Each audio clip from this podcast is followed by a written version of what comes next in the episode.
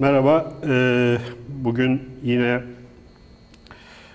15 günlük bir periyottan sonra e, beraberiz. Bugün konuğumuz Ankara e, Üniversitesi değil mi? E, Siyasal Bilgiler Fakültesi. Eski adıyla Mülkiye yani.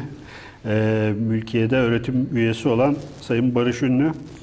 Barış Ünlü ile esasen e, biz aslında e, bir, bir buçuk ay önce e, epey eski olan bir kitabı üzerinden haberleştik ve bu kitabı e, kitap üzerinden konuşmak için aslında e, randevulaştık diyelim. Daha sonra işte kitabın e, bugünlerde yeni baskısının da e, yapılacağını öğrendik. Buna da ayrıca sevindik. E, ama e, bu sırada işte ülke gündemine başka bir e, mevzu üzerinden e, girdi kendisi.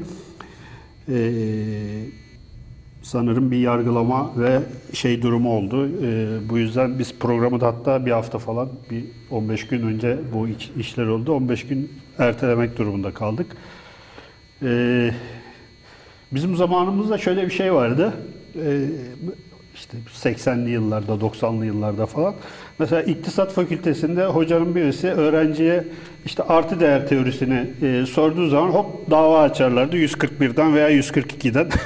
Şimdi iktisat fakültesi hocası yani artı değer teorisini öğretmeyecekse yani nasıl hocalık yapacak?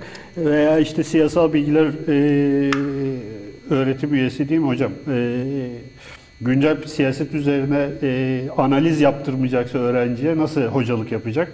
E, böyle bir tuhaf bir durum. İsterseniz bir kısaca ona bir değinelim.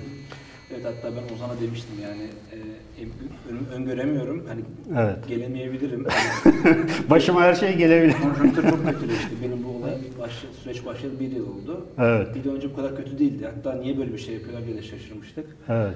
Ama sonra bir yıl içinde giderek çok kötüleşti. Yani bu konuyu ilgilendiren mesele, Kürt meselesi Evet. anlamda konjonktür çok kötüleştiği için. E, tabii son zamanlarda bir de bu barış için akademisyenler imza e, Evet. kampanyası ve sonrasındaki işte devlet adamlarının dan gelen tehditler, hakaretler filan. Dolayısıyla iyice olumsuz bir hava oluştu. O yüzden önümü, ön- öngöremiyorduk yani Evet. hani nasıl bir şey olabilir diye. E, İddianame tabii hukuki olarak çok zayıf bir iddianameydi. Evet. Benim sorduğum sorular ve okuttuğum metinlerle kampüste olduğu iddia edilen şiddet arasında bir bağlantı kuruyor ama bir kurmuyor aslında. Sadece Evet. bir yazıyor yani. Yan İddianame böyle bir cümle kuruyor. Ee, ama tabii bu tip meselelerde, Kürt meselesi gibi meselelerde çoğu zaman hukuk işleyem, işlemeyebiliyor. Yani Evet. siyaset işleyebildiği Siyaset için. işliyor doğru. O yüzden biraz tedirgindik yani ben ve arkadaşlarım. Ee, ama beklenmedik şekilde kısa bir sürede yani kısa dediğim ilk duruşmada beraatla sonuçlandı. Çünkü ortada bir şey yok yani aslında. Yok evet. Ama evet. Ama ben mesela şeyi okudum. Sizin e, savunmanızı yayınladı Mülkiyeliler e, sitesi, sitesi, haber evet. sitesi. E, gayet de e, siyasi bir savunma yapmışsınız. Elinize sağlık diyeyim. Yani hani e, böyle teknik aman işte şöyle yaptım, böyle yaptım falan filan değil. Yani fikir özgürlüğü, akademik özgürlük ve e, bu akademik özgürlüğün e, memlekete kazandıracakları üzerinden çok güzel bir ders gibi yani aslında. E, çok güzel bir savunma vermişsiniz. Geçmiş olsun diyelim. Ne diyelim? Değil mi? Evet, geçmiş olsun. Geçmiş olsun Teşekkür diyelim. ederim. Çok sağ olun. Bu girişten sonra artık kitaba başlayabiliriz. Ee, bundan sonrasını artık Ozan kardeşime bırakıyorum. Çünkü kitabı iki kere okumuş. Aslında hikayeyi sen kendin anlat. Evet. Ee, Öncelikle hoş geldiniz. Sağ olun. Teşekkür ederim. Ta Ankara'lardan davetimizi kırmayıp geldiniz. Teşekkürler. Ee, yani aslında bu ki- kitabın hikayesi ve Bar- Barış diyorum yani artık e, Barış'la e, diyalogumuz da 2012'ye dayanıyor. Ben 2012'de işte e, İbn Haldun okumaya başladığım zaman Evet. e, arkadaşla beraber okumaya başladığım zaman kitapta e, kütüphanedeydi almıştım bir şekilde ve e, İbn Haldun e, kısmını gördüm ve okumaya başladım. E, yani çok kısa sürede yani 3-4 gün içinde e, kitabı bitirdim ve e, çok memnun kalmıştım. E, ortak arkadaşımız Atilla vasıtasıyla Atilla mailinize Atilla Aytekin vasıtasıyla e, mailinizi alıp işte bir ufak bir mailde yazmıştım. E, sonrasında işte program e, ortaya çıkınca e, davet edelim dedik. Çünkü yani genel olarak işte kültür tarihi konuşuyoruz. Osmanlı tarihi de var. E, ama e, bugüne kadar e, konuştuklarımız daha böyle mikro şeyler. Hani or- orası da çok önemli. Ama e, diğer taraftan e, daha büyük bir perspektif sağlayacak e, eserlere de yönlendirmeye de ihtiyacımız var. O açıdan ben kitabınızı çok önemli görüyorum. E, hatta Cengiz'e de söyledim hani yapalım diye. O, e, ısrarım da o yöndeydi. E, genel olarak e, Türkiye'de tarihçilik e, yani kuruluş meselesi üzerinden gidersek çünkü kitabınız e, kuruluşu e, merkeze alıyor. Evet. Fakat e, kuruluşun e, işte Gibbon'dan başlayıp Gibbon, Vitek, işte Köprülü, e, Kafadar, Lavri ve yani İnalcık gibi çok büyük bu, bu alanın yani Osmanlı tarihinin çok büyük e, isimlerinin e, takip ettiği bir yoldan almıyorsunuz. Yani çok böyle işte Anadolu merkezli yahut da e, Türk, Osmanlı, Bizans e, çatışmalarından veyahut da e, karşılaştırmasından ziyade daha büyük bir perspektifiniz var. E, yani bunu e, nasıl e, öngördünüz? Yani daha doğrusu bu konuya nasıl kaydınız? Çünkü öncesinde de e, Mehmet Ali Aybar üzerine çalıştınız var. Yani böyle çok farklı bir yerden buraya geçiyorsunuz. E, biraz daha böyle hani e, buraya yönlen, yönel, yönelme sebebiniz nedir? Onu e, öğrenebilir miyiz? Yani şimdi ben o Mehmet Ali Aybar işte Türkiye solu, Türkiye'de radikal hareketler, e, sol hareketler, sol düşünce bunlara ilgim hala var aslında ve master tezimde yani ilk akademiye girdiğimde bununla başlamıştım dediğin, dediğin gibi. Mehmet Ali Aybar'ın biyografisini yazmıştım. Kişisel arşivine de girerek e, çok güzel bir süreçti o benim için. E, çünkü evinde bir arşivi var, özel arşivi. Kızı Güllü Aybar, Güllü Hanım onu organize ettirmiş. Şimdi birkaç ay ben onun mektuplarını okuyarak falan geçirdim. Yani bir akademiye girişim o anlamda çok güzel bir giriş oldu yani kendi açım kişisel olarak söylüyorum. Çok çok mutluydum o zaman e, o zamanlar. E, işte kitaplarına bakıyorum, e, çizdiği işte altın çizdiği yerler, aldığı notlar onlara kadar böyle bir inceleme şansım olmuştu. Neyse. O ilgi alanım devam ediyor aslında. Hala bir şeyler yapıyorum o konularda. E, ama işte doktora da Amerika'ya gittim ben 2003 senesinde Binghamton, e, SUNY Binghamton Üniversitesi e, sosyoloji bölümüne gittim. E, işte bu Immanuel Wallerstein'in öne çıkarttığı, arkadaşları Giovanni Arrighi ve Terence Hopkins'i öne çıkarttığı bir bölüm bu. Dünya sistemleri analizi dediğimiz. Analiz çerçevesinde aslında bir eğitim veren, doktora programı sunan bir bölüm.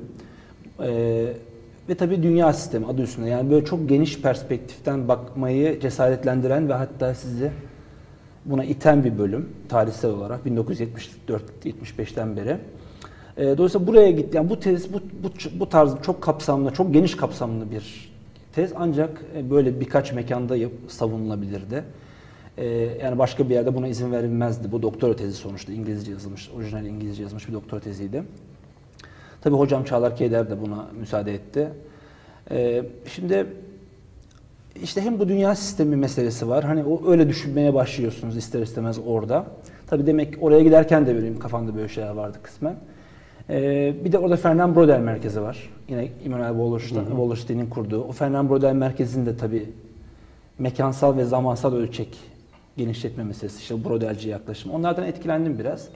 E, bir de e, 2011 Eylül saldırıları Amerika'da, 11 Eylül saldırılarından sonra bu imparatorluk kavramı çok e, şey oldu. Nasıl söyleyeyim? Tekrar moda Gündeme oldu, geldi. gündeme geldi. E, yani 11 Eylül saldırılarından önce saldırılarından önce daha çok küreselleşme, yani 90'lı yıllara damga vuran kavram küreselleşmeydi. Daha böyle yumuşak bir kavram, daha Evet. e, başka türlü bakan yani topluma ve tarihe ve dünyaya başka türlü bakan bir kavram küreselleşme. Ama 2000 işte 11 Eylül saldırılarından sonra imparatorluk tekrar gü- gündeme geldi. Amerika'nın özellikle Afganistan ve Irak işgalleriyle birlikte. E, dolayısıyla ben imparatorluklar üzerine çok okumaya başladım o dönemde. E, ve işte yavaş yavaş Osmanlı İmparatorluğu'na bir imparatorluk, bir imparatorluk nasıl kurulur diye düşünmeye başladım. Ee, sadece Osmanlı İmparatorluğu değil, genel olarak bir imparatorluk nasıl kurulur, bir devlet nasıl kurulur, nasıl kurulmuştur. Farklı örneklere bakmaya başladım dünya tarihinde. Ee, ve yavaş yavaş işte bu şeye geldim. Ee, bu perspektife geldim. Herhalde onu biraz açarız sonra. Evet. Özeti bu Senin yani. bir şeyin vardı ya sık sık kullanırsın. Toynbee'nin bir lafı. Evet aslında e, tam da buna e, Evet. denk geliyor. Şey işte e, tarihin en küçük birimi dünya tarihidir. Toynbee'nin şeyi var işte mottosu. E, hani kendisi de zaten işte medeniyet tarihçisi olarak e, kabul edebiliriz.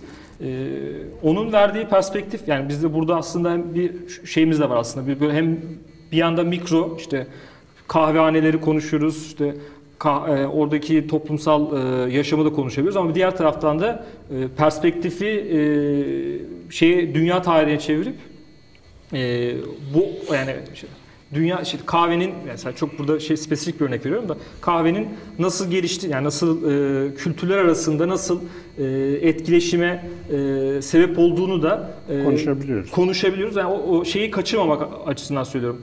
Hani mikro ile makro arasındaki e, dengeyi kurmak Tabii. açısından söylüyorum. Bunlar çok önemli. Hani şey açısından da e, bu- yani kuruluş mevzusuna gelirsek de çünkü aslında kuruluş mevzusu e, yani yakından da takip ediyorum. E, işte ben de yüksek lisans tezi sırasında çalış yani üzerine bakmıştım, biraz okumuştum. Ana metinleri neler olduğunu, neler e, tartışıldığını e, incelemiştim. E, aslında Türkiye, daha doğrusu Osmanlı tarihçiliğinde e, iki tane büyük mesele var. Bir tanesi kuruluş, diğeri de çöküş. Yani kuruluştaki işte yani revizyonistler var işte şeyde de çöküşte de bu e, bu şekilde gidiyor ama kuruluşta geldiğimiz nokta şu artık e, tartışma şu boyuta geldi. E, şimdi tabii isim vermeyeceğim ama konu başlığı olarak söyleyeyim. Ahmedi'nin e, metnini e, kendi as orijinalinden değil de e, niye ikinci ikinci kaynak üzerinden okunduğunu e, tartışılıyor. Yahut da kitabede e, işte gazilerin e, sultanı değil de gazilerin oğlu diye yani şimdi burada şey tam metni hatırlamıyorum ama sizin kitapta da var aslında. E, şeye gelmiş artık böyle bir e, orta çağdaki e, skolastik e, hiçbir yere çıkmayan e, bir kör dövüşüne dönmüş artık bu iş. Evet. Ben de bir iki bir şey ekleyeyim e, şey olarak. Yani sizin kitabınızda bir yöntem, bir perspektif var. Yani ben onu e, şey yaptım, gördüm. Özellikle bu İbn Batuta İbn- mukaddimeden yola çıkarak, İbn pardon İbn Haldun ve mukad- mukaddimeden yola çıkarak e, bir perspektif sunuyor. E, metin olarak e, işte ilk başta bu göçebe barbarlar ve yerleşik uygarlar meselesinden yola çıkarak e, bütün bu iç tartışmaları işte Vitek, e, Gibbon vesaire bir sürü e, örnekler de hani e, şey yapıyorsunuz. E, bir perspektif vermesi ve aslında konunun özünü tartışması anlamında ben e, çok faydalandığımı söyleyebilirim. E, özellikle bu Brodelci işte yani Akdeniz ve e, medeniyet e, çerçevesinde bir perspektif e, verme kısmı da vardı orada öyle hatırlıyorum.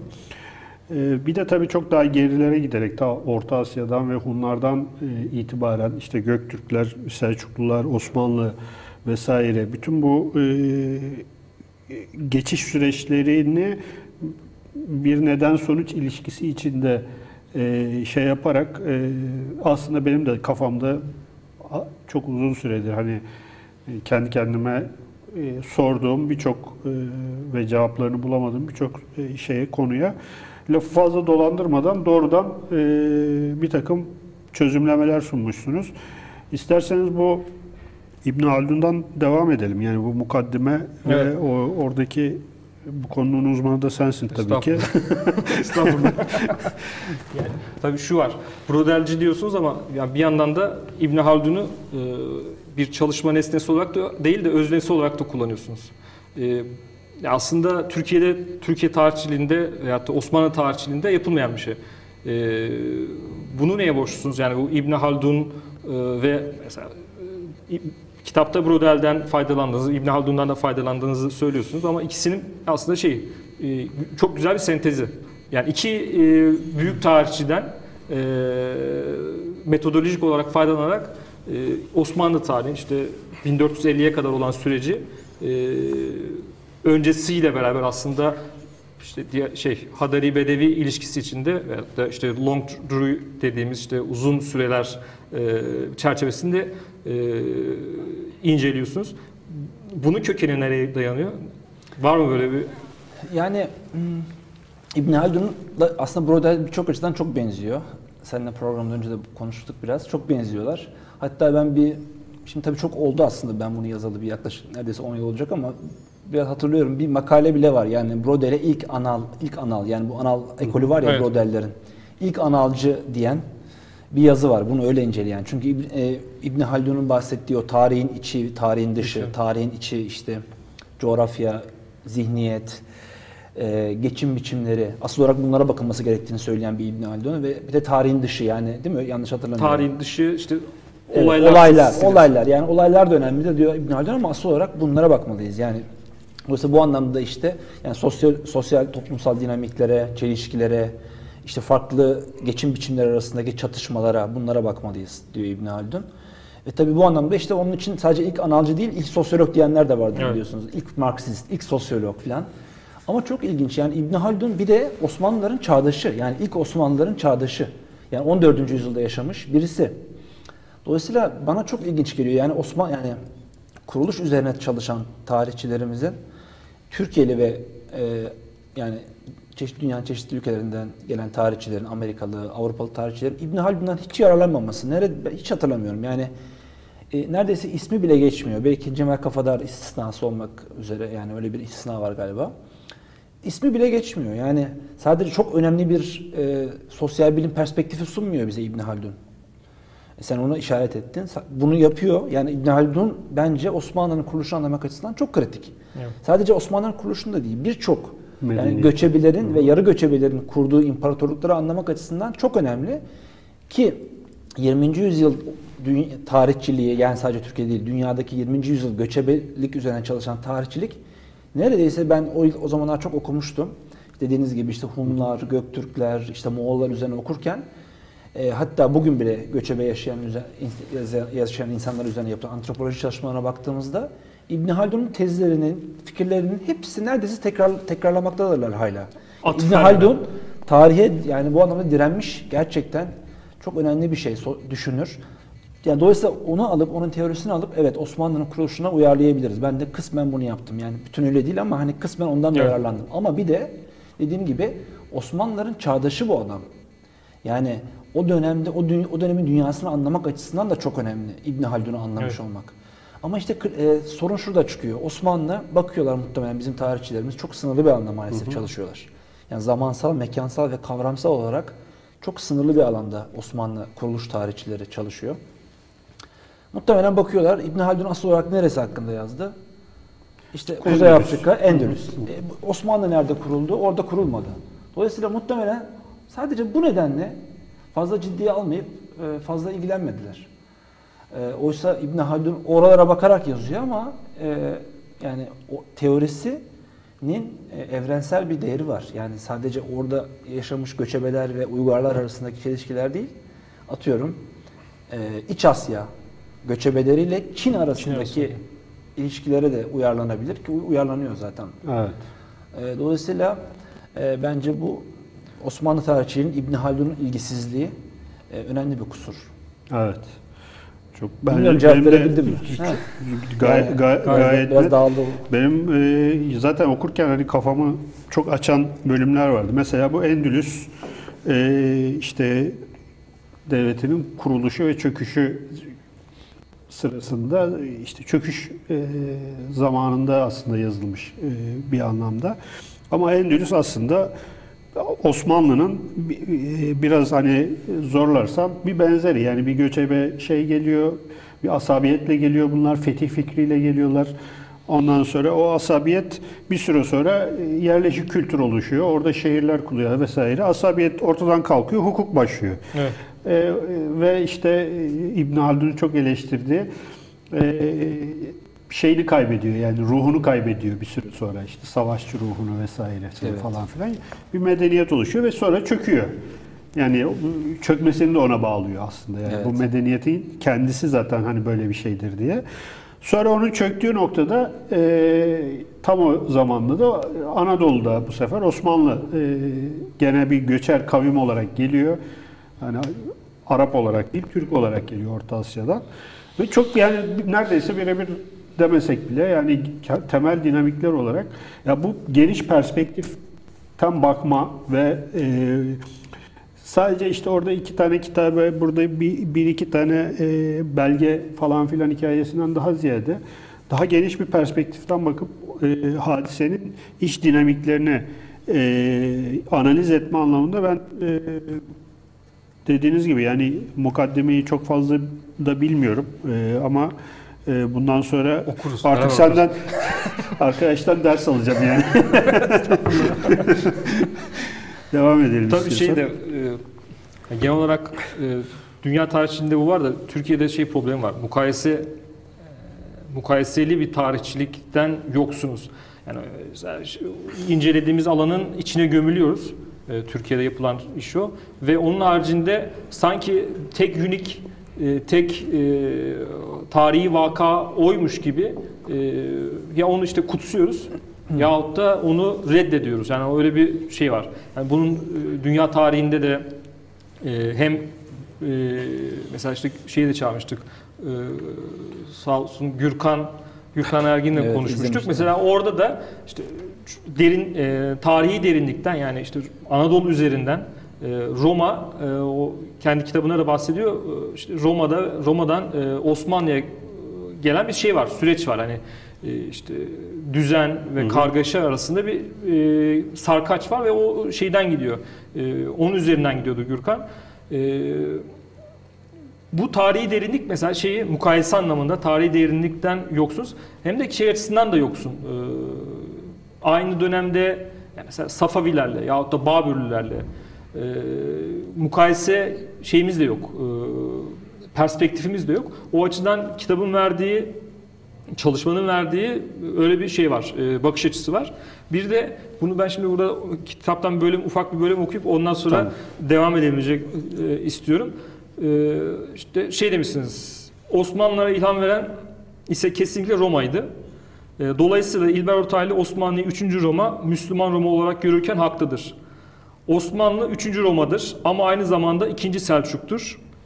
Üçüncü Abbasidir, dördüncü Sasani'dir. Çünkü kurumsal, ideolojik ve törensel terminolojik devamlılık açıkça ortadadır. Ve bunlar aracılığıyla belki de beşinci Ahameniş ve onuncu Akat'tır.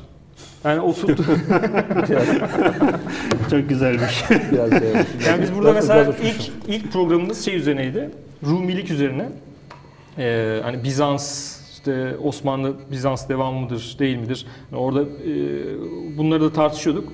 E, diğer şeyleri de e, unsurları da dışarıda bırakmadan işte Orta Asya, İrani gelenek, İslami gelenek de işte e, Bizans üzerinden Roma, Akdeniz geleneğinden. Ama siz e, bu işi daha da böyle bir e, derinleştirmişsiniz. Evet. E, Pişman mısınız? Yani e, pişman değilim şöyle bana çok faydası oldu. Yani çok okunan bir kitap olmadı bu e, tahminim.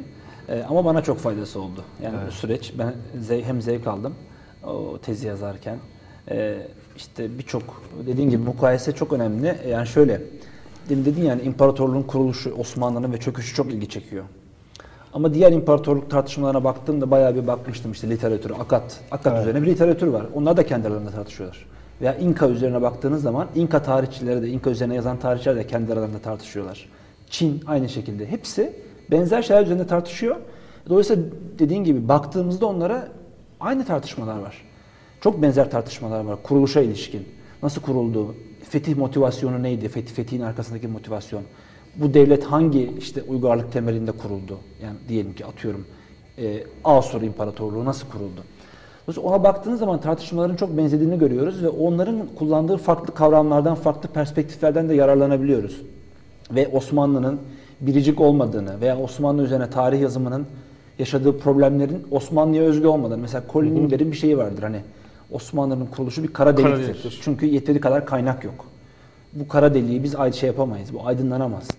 Ama baktığınız zaman diğer imparatorluklara Bu kara delik hepsi için geçerli veya çoğu için geçerli. Çünkü zaten bir devlet kurulurken e, o, devletin kur- o devletin kuruluşunu kaydedecek kadar bürokratiniz, bürokratınız yok, katibiniz yok, tarihçiniz yok. Henüz çünkü devletin kurulup kurulmayacağı belli belli değil. Her, Evet. her şey sallantıda.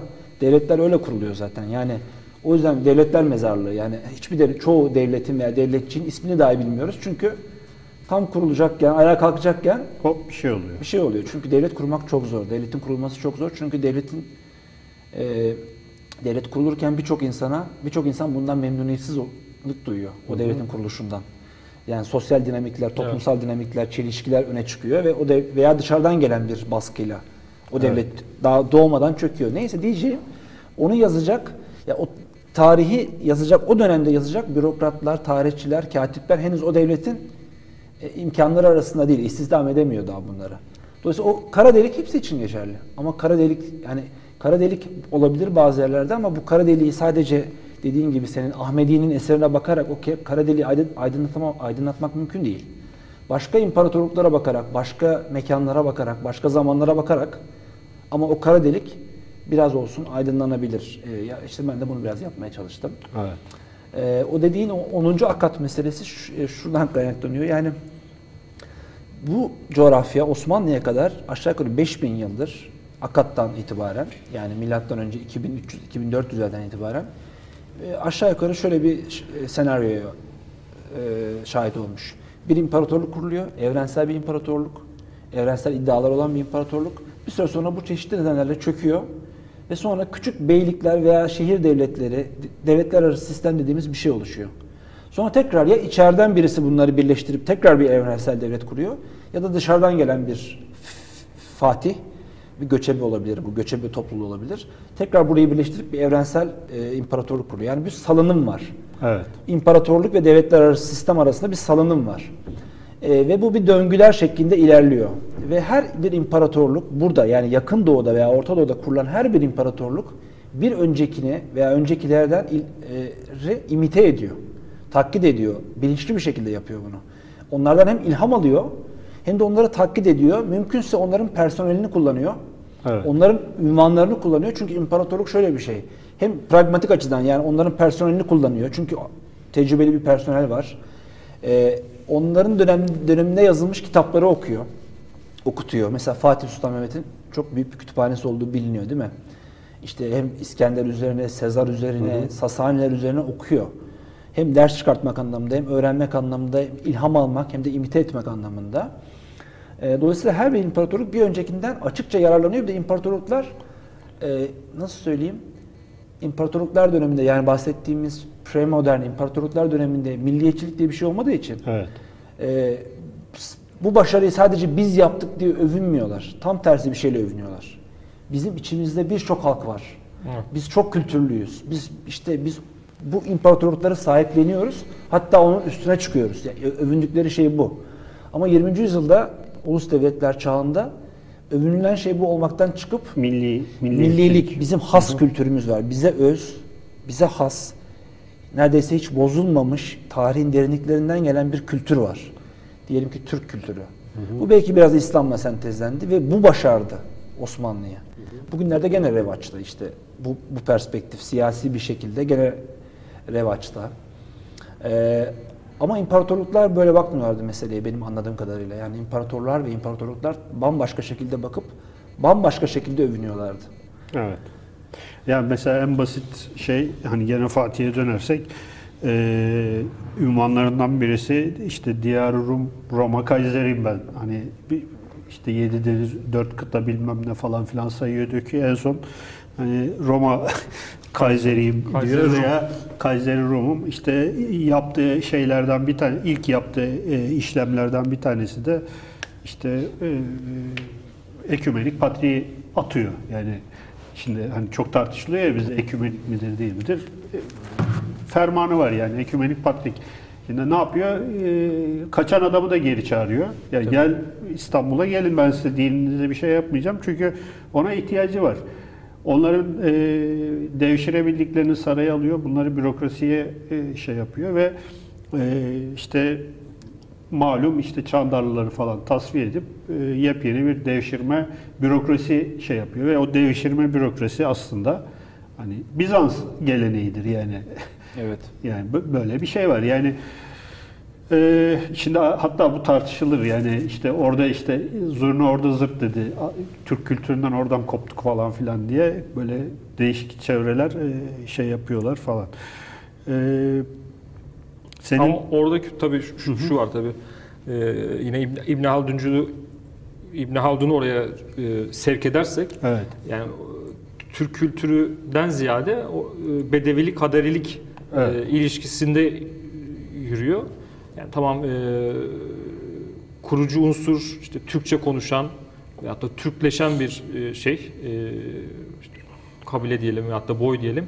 Ama yerleşik diye geçtikten sonra e, mesela İbn Haldun'un şey diyor işte kendisi de bir ber, yani Arap yani berber e, berberi ve şey diyor yani diyor ki e, en şeylerin arasında nedir?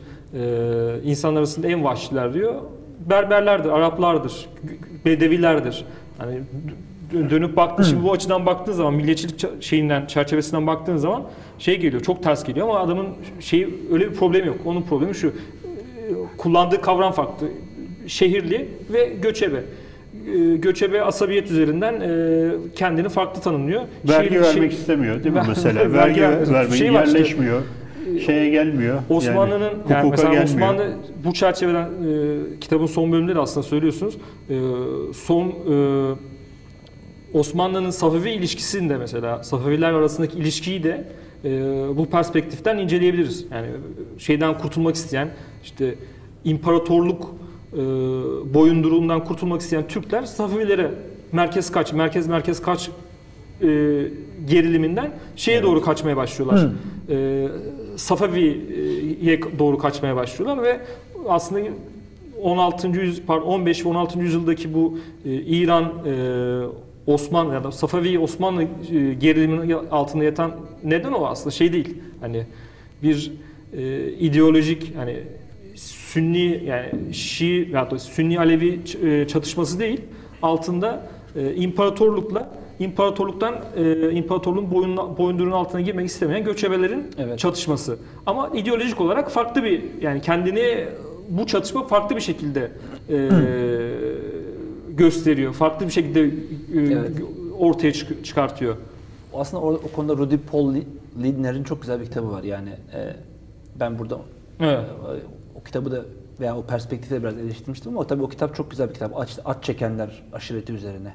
Karaman civarında yaşayan at çekenler, aksiyon aşireti üzerine ve bu aşiretin işte on- 16. yüzyılda filan Osmanlı merkezi idaresine karşı direnişi hem vergi vermemek adına hem de işte gidip Safavi alternatifi dediği Kızılbaş işte şey Türkmen asabiyetine e, katılmaları filan. Bundan bahsediyor. Ben derste yani bu biraz derste bahsediyorum kendi siyasalda verdiğim derste bu konuda bu konulardan. Öğrencilerin ilgisini çekiyor tabii. Birinci sınıfta liseden gelmişler filan. Ee, sonuçta Safavi bir Türkmen devleti, bir Türk yani işte Şah İsmail Türkçe yazıyor, Türkçe konuşuyor Ee, ve bir Türkmen devleti ve Türkmen boyları da Anadolu'daki Türkmen boyları da daha çok Safavi devletini destekliyor. Değil mi? Ee, o 16. Evet. yüzyılda işte bu isyanlar, e, 1510'lardaki işte Yavuz Sultan Selim'in meşhur bu isyanını bastırma şekli falan. Ee, Osmanlı orada kendini bir Türkmen veya yani Türkmen şey olarak tabi imparator olarak görmüyor artık 16. yüzyılın başlarında. Ee, çok daha ötesi olarak görüyor kendini. Ama ilginç olan yani öğrencilere ilginç gelen şey şu. Aslında orada ne oluyor? Kürt beyleriyle Osmanlı İmparatorluğu birleşip oradaki Türkmenlere karşı birlikte şey yapıyorlar yani 1500 onlarda. Ee, yani bugünkü şey yok. Ee, onu söylemeye çalışıyorum öğrencilere. Hani bugünkü gibi işte Kürt Türk düşmanlığı diyeyim yani e, genel olarak öyle bir şey yok. Tam tersine orada Türkmen e, Osmanlı ile Kürt beyleri birleşip Türkmenlere karşı ittifak ettiler. Ee, bunlar tabii yani öğrencileri biraz şey yapıyor. Yani tam anlayamıyorlar ama bir yandan ilgilerini de çekiyor. şaşırtıyor yani. Evet şaşırtıyor. Hani hep böyle değildi. Bildiğimiz hep böyle değildi. şey. Hani herkes kendini her zaman Türk olarak görmüyordu veya bununla övünmüyordu veya daha önemli şeyler vardı dediğimiz zaman e, biraz şaşırıyor tabii. Tabii bu tarihi güncele taşıdığınız zaman eee, bugünün dünyasıyla birçok birçok şeyi açıklamak hele ki bu eğitim sistemi tabii ulusal e, milli bir eğitim işte e, modern e, ulus devleti yaratmakta e, tarih önemli bir şey. E, Şimdi çocuk e, bütün işte lise müfredatında e, işte bir hepimizin bildiği e, bir şeyle yetişiyor.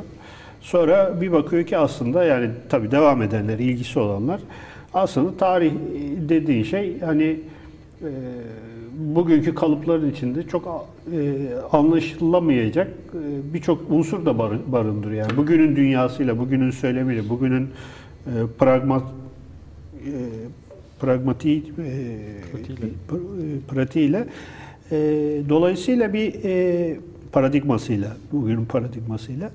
E, dolayısıyla bir e, gerçekten hani e, bu işe ilgi duyan öğrencilerin veya insanların o dönemin dünyasına böyle çok e, yani işin teknik ayrıntılarından daha ziyade işin felsefesi, dinamikleri ve e, özüyle ilgili aslında bir anlamda e, ifade edecek yayınlara ve kitaplara ihtiyaç var aslında. Yani uygarlık meselesi böyle bir şey. Yoksa açık söyleyeyim yani tabii bu da çok değerlidir. Yani belge e, ondan sonra arşivcilik, ondan sonra belgelerin okunması bunlar da çok şey değerli işler ama hani e, meselenin özünü kaçırmamak ve genel perspektifi kaçırmamak e, ve bir kara delik aydınlanacaksa aslında yani e, bu kara deliğin e, merkezinde ne var? Yani e, özünde ne var? Onu önce bir kavrayıp ondan sonra buradan çevreye doğru yayılarak e, bir e, belki hani e, medeniyet tasavvuru veya tarihçilik Evet. tasavvuru geliştirmek gerekiyor diye düşünüyorum. Yani şimdi sizin söyledikleriniz bana şeyi düşündürttü. Yani tarih disiplini çok kıskanç bir disiplin. Yani Evet. özellikle tarihçilik, sosyal bilimler arasında en kıskanç disiplin. Yani kendi alanlarını Ya çok bilmez miyiz? büyük, kendi alanlarını çok büyük bir kıskançlıkla koruyorlar ve dışarıdan kimseyi sokmak istemiyorlar. Girmek isteyenleri de genelde reddediyorlar. evet. Ee, diğer sosyal bilim disiplinleri bu kadar şey değil. Yani daha psikoloji, sosyoloji, antropoloji, siyaset bilimi biraz daha açıktırlar onlar. Ee, tabii karşılıklı küçümseme var yani sosyologlar da tarihçileri küçümseyebilir, tarihçiler sosyolog ama biraz daha yani disiplin kapılarını biraz açsalar e, belki biraz daha iyi olur. Dışarıdan gelenleri o yüzden pek şey yapmıyorlar. Ee, e, nasıl söyleyeyim pek ciddiye almıyorlar. Dışarıdan bu konularla ilgilenenleri sokmak istemiyorlar. Siz karışmayın. Biz biz biliriz bu işi demeye getiriyorlar. Bunu içeriden dahi yapanlar tepkiyle karşılanıyor. Mesela Cemal Kafadar'ın kitabı işte iki cihan aresinde diye çevrildi ama galiba izinsiz bir çeviriymiş o bile- bilemiyorum. Evet, o kendisi Ee, pek memnun değil o evet, çeviriden. e, Be- Between Two Worlds e, İngilizcesi. E, o kitapta e, o kitap mesela biraz daha sosyal bilim şeyine yani farklı sosyal bilimlerin diline, perspektifine biraz daha açık, aşina bir dil. Evet. Zaten Cemal Kafadar öyle bir tarihçi. O bile içeride içeriden yani bir tarihçi olarak yazdığı halde pek hoş karşılanmadığını biliyorum yani öyle hatırlıyorum. Yani bu kuruluş tartışmalarında pek e, şey yapılmadı. O kitap e, o kitabı da fazla ciddiye almadılar. Hani hoş hoşa gitmedi. Ama işte o zaman da çok kısıtlı bir şeyle kalıyor tarihçilik. Ya tabii burada yine İbn Haldun'a döneceğiz. Yani İb- İbn Haldun'un önerdiği işte ilmi ümran aslında tam da hani tarihe bir metodolojiyle yaklaşmamız gerekiyor gerekiyorsa bu işte şeydir diyor. İlmi ümrandır ve bu bütün her şeyi yani işte bugün işte is- iktisat, işte sosyoloji, işte tarih, e, psikoloji, işte antropoloji bütün bunların hepsini kavrayan böyle daha genel, daha büyük bir e, metodoloji öneriyor bize. Yani hem şey açısından da e, çünkü programdan önce konuşmuştuk kitabın e, yayınlanmasıyla alakalı da bir hikaye vardı. Şimdi buraya da burada e, şey yapmadan e, Ama söyleyelim onu e, isim vermeden. E, bu başka bir yayın eviyle anlaşmıştık ve imzalamıştık sözleşmeyi. Yani bekliyordum ben bu kitabın başka bir yayın, evinden yayınlanmasına. Sonra bir süre sonra beni e, e, şey aradı e, editör bir yıl sonra filan. Yani ben artık çıktı çıkacak diye bekliyorum. Ya ben bunu basmak istemiyorum dedi. Ben çok dikkat etmemiştim. Bir, e, şimdi daha iyi baktım dedi. Ee, bir, bir iki bir şey söyledi ama arada da şunu söyledi. Yani tarihçilerimize dedi çok eleştiri var dedi. Bence haksız eleştiriler var Osmanlı tarihçilerimize dedi. tahmin ediyorum asıl neden oydu. Yani yayın evinin diğer tarihçi e, şeylerin yazarlarını herhalde Küstürmemek. küstürmemek, kızdırmamak için böyle bir şey oldu. E, e ben o zaman tabii üzülmüştüm ama ama işte bu şeye geliyor yani bu demin bahsettiğimiz meseleye geliyor. Yani biraz daha esnek olabilirler. Evet. Bu açıdan. Ama işte Yani es- eleştiri varsa bile bir şey yok yani burada hani bir hakaret yok bir şey yok. Sadece bazı eleştiriler var. Evet. Ee, Dışarıdan gelince ama işte o eleştiri sen kim oluyorsun? Sen kim oluyorsun da bizi eleştiriyorsun veya sen kim oluyorsun da bu tarihçilerimizi eleştiriyorsun şey oluyor.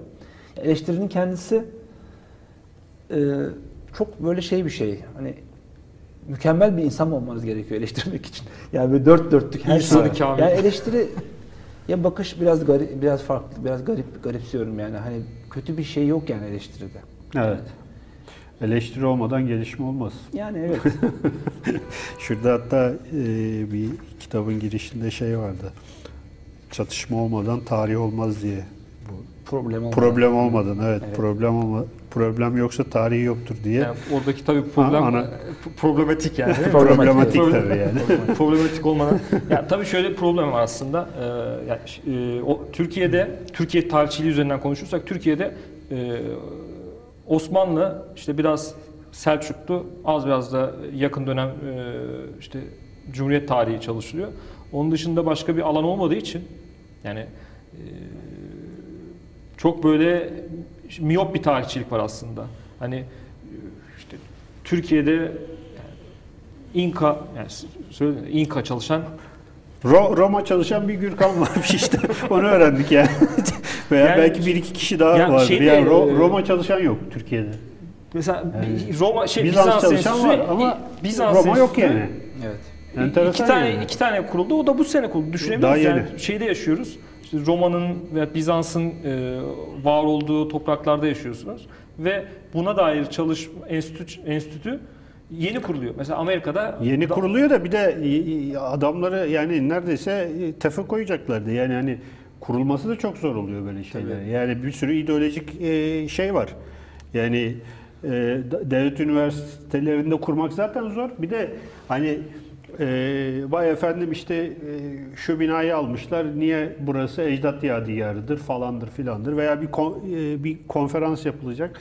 Yani e, böyle bir e, bu kadar hani bariyerlerle dolu bir e, şeyde, mecrada gerçekten yol alabilmek çok zor yani. Çünkü böyle yani e, işte kamplaşmalar var.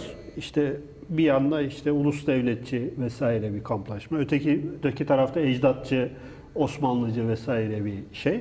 Yani burada e, bu şeylerle, bu bariyerlerle e, yol alabilmek veya e, şey yapabilmek çok zor yani. Çok zor evet. Yani Maalesef böyle. Ama işte e, Barış'ın kitabı bariyerleri kaldırdı. Böyle Evet. şey güzel, Valla biz ya akıcı Evet. ve e, çok güzel bir perspektif sunuyor. ko- konunun Ee, özü ile ilgileniyor diyebiliriz. Yavaş yavaş bitirelim. Evet. Oldu mu? Çok teşekkür ediyoruz. Teşekkür ederim. Ee, birer imza alıyoruz. Ee, Gelenek, geleneksel. geleneksel olarak.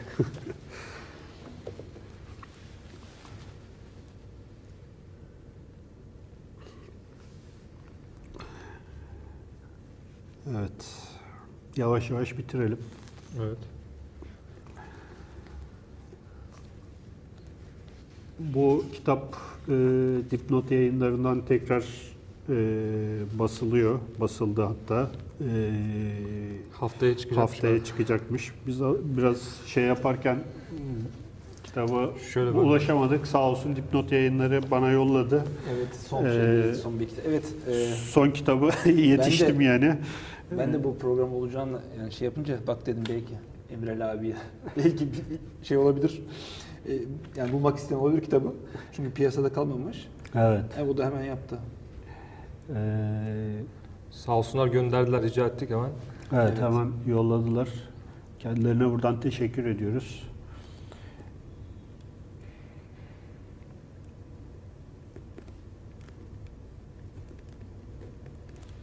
Evet. Ben de size teşekkür Bir ederim. Beni- yayınımızın beni. Sağ olun. e, sonuna geldik. Ee, Barış Ünlü'ye tekrar teşekkür ediyoruz. 15 gün sonra yine başka bir e, konukla e, sohbetimize, sohbetlerimize devam edeceğiz. İyi günler dileriz. Teşekkürler izniniz için.